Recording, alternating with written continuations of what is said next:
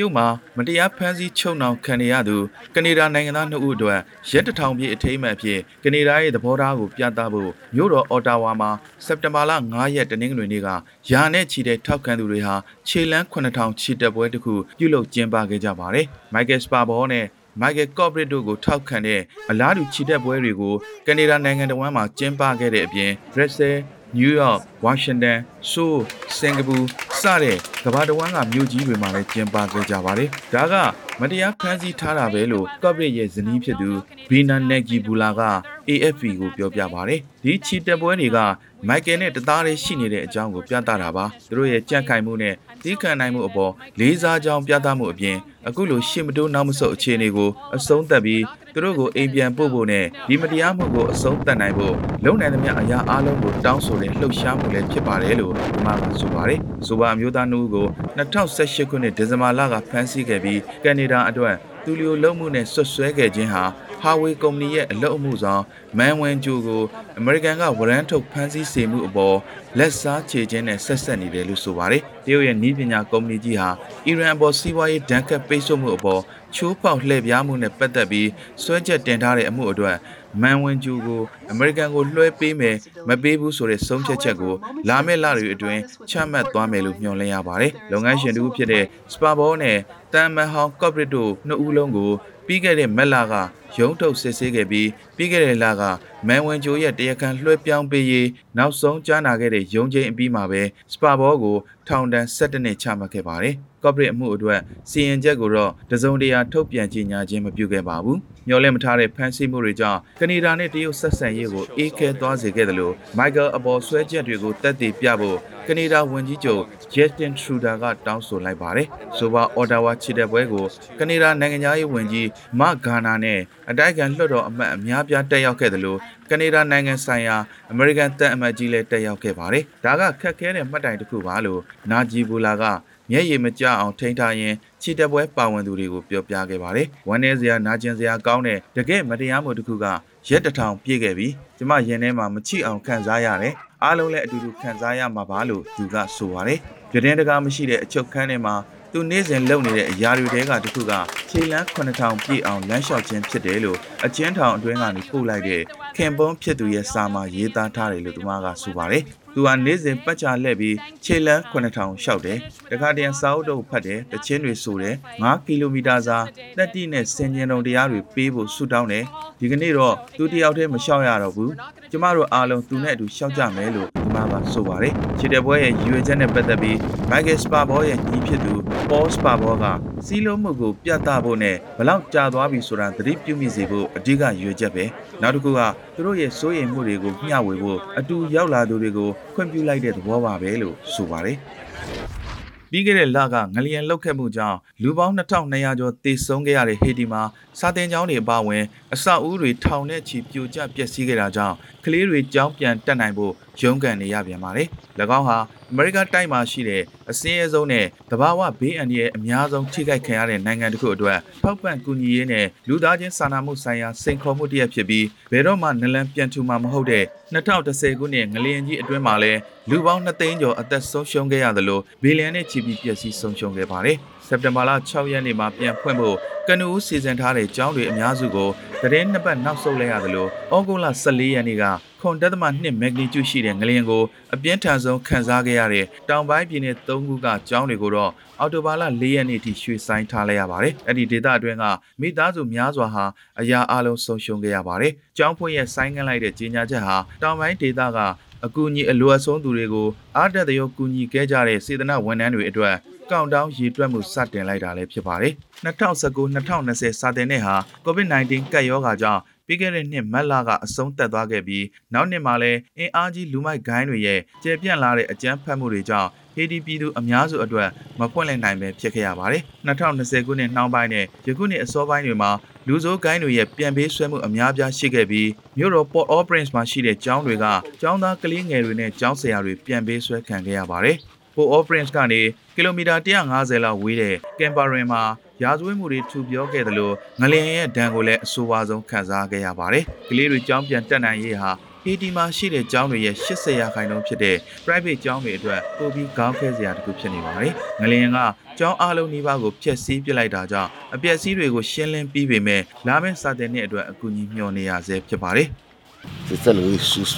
ici à, en quelque sorte avec le centre là. ဒီကျောင်းကဒီဒေသရဲ့ရင်းမြစ်တစ်ခုပဲအရာအားလုံးကဒီကျောင်းပေါ်မှာမူတည်နေတယ်ဒီကျောင်းမရှိရင်ဒီဒေသကမက်ဆန်တော့အတိုင်းဝိုင်းလဲလုံးဝပျက်စီးသွားမယ်ကလေးတွေဘာဖြစ်ကုန်ကြမလဲကျွန်တော်စိုးရင်တာအဲ့ဒါပဲကျောင်းနေရာကိုရှင်းလင်းပြီးယာယီစာတင်တဲတွေစောက်ဖို့လိုတယ်ကလေးတွေပညာသင်ဖို့တေချာပေါက်တနေရာရှိကိုရှိရမယ်လို့မက်ဆန်တော့ကျောင်းကကျောင်းဆရာတူဖြစ်တဲ့ မက်ဇီမီဦးဂျီနီကဆိုပါတယ်ကျွန်တော်တို့ကြင့်ခိုင်ဖို့လိုတယ်ကျောင်းကိုဖြစ်အောင်လုပ်ရမယ်အဓိကကဆရာတွေနဲ့ဝန်ထမ်းတွေကိုလစာပေးနိုင်ရင်ရပြီအားလုံးအဆင်ပြေသွားမှာပါလို့သူကဆိုပါတယ် Pour ici, ça a fonctionné beaucoup. Pour passer, ça a fonctionné. Il faut y caser, pour caser. ကျွန်တော်တို့ကျောင်းပြန်ဖွင့်ခြင်းရင်ဒီအဆောက်အဦကိုအရင်ဖြိုချရမယ်။ဘယ်ကျောင်းသားမိဘနဲ့ဘယ်ဆရာဆရာမကမှအန်ဒီရှိတဲ့ကျောင်းကိုလာကြမှာမဟုတ်ဘူး။ဒီအဆောက်အဦနိုင်ရန်ကအကွဲကျောင်းတွေကိုမြင်ပြီးဘယ်သူမှလုံခြုံတယ်လို့ခံစားရမှာမဟုတ်ဘူးလို့ဖိလစ်ဘီဂါရီယာအထက်တန်းကျောင်းရဲ့ကျောင်းဆောင်ကြီးပီရီလူသာစိန်ဒက်ကဆိုပါတယ်။ကျောင်းတွေပြန်ဖွင့်ဖို့လှုပ်ရှားမှုကိုသဘောကျတယ်။ကလေးတွေအိမ်မှာပဲအချင်းကြီးအချင်းကုန်နေတာလအတော်ကြာနေပြီ။သူတို့လူဆိုးလေးတွေဖြစ်သွားလိမ့်မယ်။ ဒါကြောင့်ကျောင်းတွေပြန်ဖွင့်ရမယ်။ဒါကိုဘယ်လိုလုပ်မလဲဆိုတာအစိုးရအပေါ်မှာပဲမူတည်တယ်လို့သူကဆိုပါတယ်။စက်တင်ဘာလ6ရက်တနင်္လာနေ့ကထင်ရှားတဲ့စစ်သွေးကြွတူအပါအဝင်ပါလက်စတိုင်းအကျဉ်းသား6ဦးဟာ လက်စေးကန်တစ်ခုအောက်ကနေဥမင်လိုင်ကောင်တူပြီးအစ္စရေးမြောက်ပိုင်းမှာရှိတဲ့အကျဉ်းတော်တစ်ခုကနေထွက်ပြေးလွတ်မြောက်သွားခဲ့တယ်လို့တာဝန်ရှိသူတွေကပြောကြားလိုက်ပါတယ်။ခမန်းကြီးအဲ့ဒီနေ့မနေ့3နာရီလောက်ကဂီဘိုဝါအကျဉ်းတော်နီးမှာမတင်ကားစရာတွေတွေ့ခဲ့တယ်လို့ဒေသခံတွေကအာဏာပိုင်တွေကိုသတိပေးခဲ့ကြောင်းအကျဉ်းတော်ရဲ့ထုတ်ပြန်ချက်မှာဖော်ပြထားပါတယ်။ထွက်ပြေးလွတ်မြောက်သွားသူတွေထဲမှာတိမ့်ပိုက်ခန့်အနောက်ဘက်ကမ်းကြီးဂျီနင်မြို့က ဇာကရီယာဇူဘိုင်ဒီဆိုတဲ့ထင်ရှားတဲ့စစ်သွေးကြွတူလည်းပါတယ်လို့အစ္စရေးအကျဉ်းဦးစီးဌာနကထုတ်ပြန်ခဲ့ပါတယ်။ထို့သူဟာ အရင်ကအယ်အော့ဆာလက်နက်ကိုင်အဖွဲ့ရဲ့တက်မဟာမှုဟောင်းတူဖြစ်ပြီးပါလက်စတိုင်းနဲ့အစ္စရေးတွေကြားမှာလူသိများသူတူဖြစ်ပါတယ်။ရဲစစ်တပ်နဲ့အထူးတပ်ဖွဲ့တွေဟာရှာဖွေမှုတွေချက်ချင်းပိုက်စိတ်တိုက်လှုပ်ဆောင်ခဲ့တယ်လို့အကျဉ်းဦးစီးဌာနရဲ့ရဲတပ်ဖွဲ့ထုတ်ပြန်ချက်မှာဖော်ပြထားပါတယ်။ရှာဖွေမှုကိုအနက်ငန်ခွေးတွေဝေရင်အထောက်အကူတွေနဲ့လှုပ်ဆောင်ခဲ့တယ်လို့ဆက်ဆက်ရပတ်ဝန်းကျင် area အတွင်းမှာလည်းပိတ်ဆို့ရှာဖွေမှုတွေပြုလုပ်ခဲ့ပါတယ်။ရှာဖွေမှုရဲ့ဒစိမ့်တစ်ပိုင်းအဖြစ်အနောက်ဘက်ကမ်းခြေမှာလည်းတပ်ဖွဲ့တွေကိုအသင့်အနေထားနဲ့တက်ဖြန့်ထားတယ်လို့စစ်တပ်ကဆိုပါတယ်။အကျဉ်းတော်ကထုတ်ပြန်တဲ့ရုပ်သံဖိုင်မှာလက်စေးကန်တစ်ခုရဲ့အောက်ကကျင်းမြောင်းတဲ့ဥမင်လှိုင်ကောင်းတစ်ခုကိုတွေ့ကြရပါတယ်။အစ္စရေးရဲ့အကြီးဆုံးအားလက်ရရာသီအဖြစ်နေဝင်ချိန်မှာစတင်မဲ့ဂျူးနှစ်တကူပွဲတော်မတိုင်မီနိုင်ပိုင်းအလိုမှာအခုလိုထွက်ပြေးလွတ်မြောက်သွားတာဖြစ်ပါတယ်။အစ္စရေးဝန်ကြီးချုပ်နက်တလီဘဲနက်ကအခုလိုလွတ်မြောက်သွားမှုကိုအရေးပေါ်ဖြစ်ရအဖြစ်သတ်မှတ်ဖော်ပြခဲ့ပြီးရှာဖွေမှုအကြောင်းကိုစောင့်ကြည့်နေတယ်လို့ဆိုပါတယ်။ Austin Company တို့ကမ္ဘာပထမဆုံး hydrogen စွမ်းအင်သုံး E-Link ရထားဟာစက်တင်ဘာလ6ရက်တနင်္လာနေ့ကပြင်သစ်နိုင်ငံဘယ်လန်စီယံမြို့မှာပထမဆုံးအကြိမ်စမ်းသပ်ပြေးဆွဲခဲ့ပါတယ်။ဒါအလိုက်တွေ့တမ်းမထားတဲ့ရထားလမ်းတွေပေါ်ပြေးဆွဲနေတဲ့ဒီဇယ်စက်ကောင်းတွေနေရာမှာဟိုက်ဒရိုဂျင်စွမ်းအင်သုံးစက်ကောင်းတွေနဲ့အစားထိုးသွားဖို့ရည်ရွယ်ထားကြောင်းသိရှိရပါတယ်။ ဒီရထားကို German Steel Company Source Gator မှာတက်ဆင်ခဲ့တာဖြစ်ပြီးရထားအမိုးပေါ်မှာတူလောင်ထားတဲ့ဟိုက်ဒရိုဂျင်ကိုလျှက်စစ်အဖြစ်အသွင်ပြောင်းပေးမဲ့ Lauser Cell တွေကိုတက်ဆင်ထားပါတယ်။ဒါကြောင့်ဖန်လိုရင်ဓာတ်ငွေထုတ်လွှတ်မှုမရှိဘဲခုတ်မောင်းနိုင်မှာဖြစ်ပါတယ်။လျှက်စစ်ရထားဖြစ်တဲ့အတွက်အတန်တိတ်ပြီးရေနွေးငွေးနဲ့ရေသာဘေးထွက်ပစ္စည်းအဖြစ်ထွက်ရှိလာမှာဖြစ်ပါတယ်။ Corridor E-Link လို့ခေါ်တဲ့ဒီရထားကို2018နဲ့2020ခုနှစ်ကြားမှာဂျာမနီမှာအောင်မြင်စွာစမ်းသပ်နိုင်ခဲ့တယ်လို့နယ်သာလန်နဲ့ဩစတြီးယားမှာပြီးခဲ့တဲ့နှစ်ကစမ်းသပ်နိုင်ခဲ့ပြီးဆွီဒင်မှာမကြာသေးခင်ကစမ်းသပ်မောင်းနှင်နိုင်ခဲ့ပါတယ်။ဩစတန်ကုမ္ပဏီဟာတွဲဆိုင်အပြည့်ရထား40ဒဇင်အော်ဒါရထားပြီးဖြစ်ပြီး2022ခုနှစ်အစပိုင်းမှာအမြောက်အများထုတ်လုပ်ရောင်းချသွားမှာဖြစ်ပါတယ်။ပို့ဆောင်ရေးဝန်ကြီး Yan Baptist Jabari ကအခုလိုပြောကြားခဲ့ပါတယ်။ Alors c'est une solution d'avenir pour une bonne raison, c'est que vous le savez, notre réseau ferroviaire aujourd'hui ဟိုက်ဒရိုဂျင်စွမ်းအင်သုံးရထားဟာအနာဂတ်တည်ယူပို့ဆောင်ရေးအတွက်အဖြေတစ်ခုပဲဒီနိုင်ငံရဲ့ရထားလမ်းကွန်ရက်မှာ45ရာခိုင်နှုန်းကလျှက်စစ်သွဲတမ်းမထားတဲ့ရထားလမ်းတွေပါဒီတော့ကျွန်တော်တို့လှုပ်ဆောင်သွားမယ့်အပိုင်းနှစ်ပိုင်းရှိလာပါတယ်တစ်ပိုင်းကလျှက်စစ်ကြိုးသွဲတမ်းပြီးပြေးဆွဲဖို့ဒါကကုန်ကျစရိတ်များတယ်နောက်တစ်ပိုင်းကဘက်ထရီလျှက်စစ်သုံးပြီးပြေးဆွဲဖို့အထူးသဖြင့် local ရထားတွေမှာပေါ့ဒါမှမဟုတ်ရင်ဘက်ထရီလျှက်စစ်နဲ့ဟိုက်ဒရိုဂျင်စွမ်းအင်ကို နှစ်မျိုးဆက်သုံးဖို့ဒါမှမဟုတ်ဟိုက်ဒရိုဂျင်စွမ်းအင်ကိုပဲအားပြုပြေးဆွဲဖို့ပါပြင်သစ်မှာလျှက်စစ်ကြိုးသွဲတမ်းမထားတဲ့ရထားလမ်း45ရာခိုင်နှုန်းရှိတဲ့အတွက်ဟိုက်ဒရိုဂျင်စွမ်းအင်မှာအနာဂတ်ရှိတယ်ပြီးရင်ကမ္ဘာဈေးကွက်ဖြစ်တဲ့ဥရောပဈေးကွက်ကိုကြဲကြဲပြန့်ပြန့်ထိုးဖောက်လို့ရမယ်ပြင်သစ်မှာစက်မှုကဏ္ဍအတွက်လစာကောင်းတဲ့အလုပ်တွေရှိတယ်ထိခိုက်မှုမရှိတဲ့ရေရှည်စက်မှုလုပ်ငန်းတွေပေါ့ပြီးခဲ့တဲ့နှစ်တွေအတွင်းအတော်လေးအကျက်ဆိုင်တဲ့အခြေအနေတွေကြုံခဲ့ရပါတယ်အခုတော့ပြင်သစ်မြေယာထားလုပ်ငန်းကနေအကျိုးမြတ်များစွာရနိုင်ပြီဆိုတာသိသာထင်ရှားနေပြီဖြစ်ပါတယ် Je vous l'ai dit tout à l'heure, il y a aujourd'hui 1200 trains qui, qui fonctionnent de diesel en France. Alors 1200 trains. အခုဆိုရင်ဒေတာတွင်အာနာပိုင်တွေနဲ့စာချုပ်ချုပ်ထားပါတယ်ပြီးခဲ့တဲ့လအနည်းငယ်ကပဲ Osbury မြို့ကပထမဆုံး order ရတယ်စုစုပေါင်း hydrogen ရထား14စီးထုတ်ပေးရမယ်2023နဲ့24မှာစမ်းမောင်းမယ်ပြီးရင်2025ကစလို့အန်ရကင်းကင်းနဲ့စတင်ပြေးဆွဲပါမယ်ပြင်သစ်မှာ hydrogen ရထားရဲ့အနာဂတ်ကတိတ်ကိုကြီးမားပါတယ် ဒီအလားအလာကောင်းတွေကြောင့်ပဲလာမယ့်သတင်းပတ်တွေလတွေမှာအားဆိုင်ခွန်ဆိုင်နဲ့ထုတ်လုပ်ပေးသွားဖို့ရှိနေပါတယ်ဒီနေ့ခေတ်ပြင်သစ်မှာဒီဇယ်ရထားအစင်း1200ရှိပါတယ်ဆက်စွမ်းရည်အမျိုးမျိုးနဲ့ပေါ့ဒီတော့ပြေးဆွဲတဲ့လိုင်းရဲ့အသုံးရပေါ်မူတည်ပြီးတော့ရထားအချို့ကိုဘက်ထရီလျှက်စစ်ရထားတွဲတွေနဲ့အစားထိုးသွားပါမယ်အခြားတွဲတွေအတွက်ဆိုရင်တော့စွမ်းဆောင်ရည်နဲ့ခရီးမှန်အရာဟိုက်ဒရိုဂျင်စွမ်းအင်ကသာ တခုတည်းသောအဖြစ်ဖြစ်ပါတယ်။နောက်ဆိုပြင်သစ်နိုင်ငံတဝန်းမှာဟိုက်ဒရိုဂျင်စွမ်းအင်သုံးရထားတွေကိုအမြောက်အများတွေ့လာရတော့မှာဖြစ်တယ်လို့သူကဆိုပါတယ်။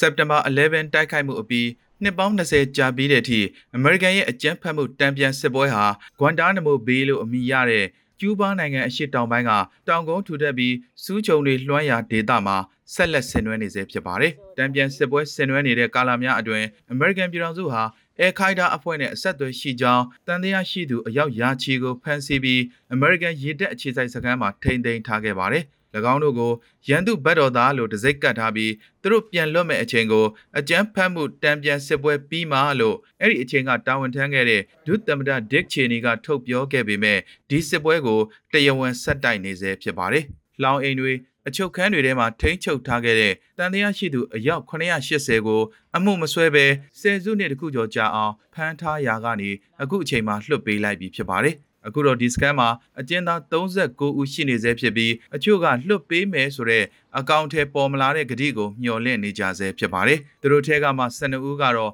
911တိုက်ခိုက်မှုကိုနောက်ွယ်ကစီမံခဲ့သူလို့ဆွဲချက်တင်ထားတဲ့ခါလစ်ရှိတ်မိုဟာမက်အပါအဝင်ဝါရှင်တန်အစိုးရအနေနဲ့အန်ဒီယရှိအယ်ခိုင်ဒါတွေလို့သတ်မှတ်ထားသူတွေဖြစ်ပါတယ်။သမ္မတဂျိုးဘိုင်ဒန်လက်ထက်မှာ COVID-19 ကပ်ရောဂါကြောင့်ဆိုင်းငံ့ထားခဲ့တဲ့စစ်ဆေးမှုတွေကိုပြန်လည်ဆောင်ရွက်နေပြီဖြစ်ပါတယ်။ 18လရက်နာထားပြီးတဲ့နောက်9/11တိုက်ခိုက်မှုနှစ်ပတ်လည်မတိုင်ခင်ရက်ပိုင်းအလိုစက်တင်ဘာလ9ရက်အင်္ဂါနေ့မှာမိုဟာမက်နဲ့အကြအကျဉ်းသား၄ဦးကိုတရားခွင်အကြိုကြားနာစစ်ဆေးမှုတွေပြုလုပ်သွားမှာဖြစ်ကြောင်းသိရှိရပါတယ်။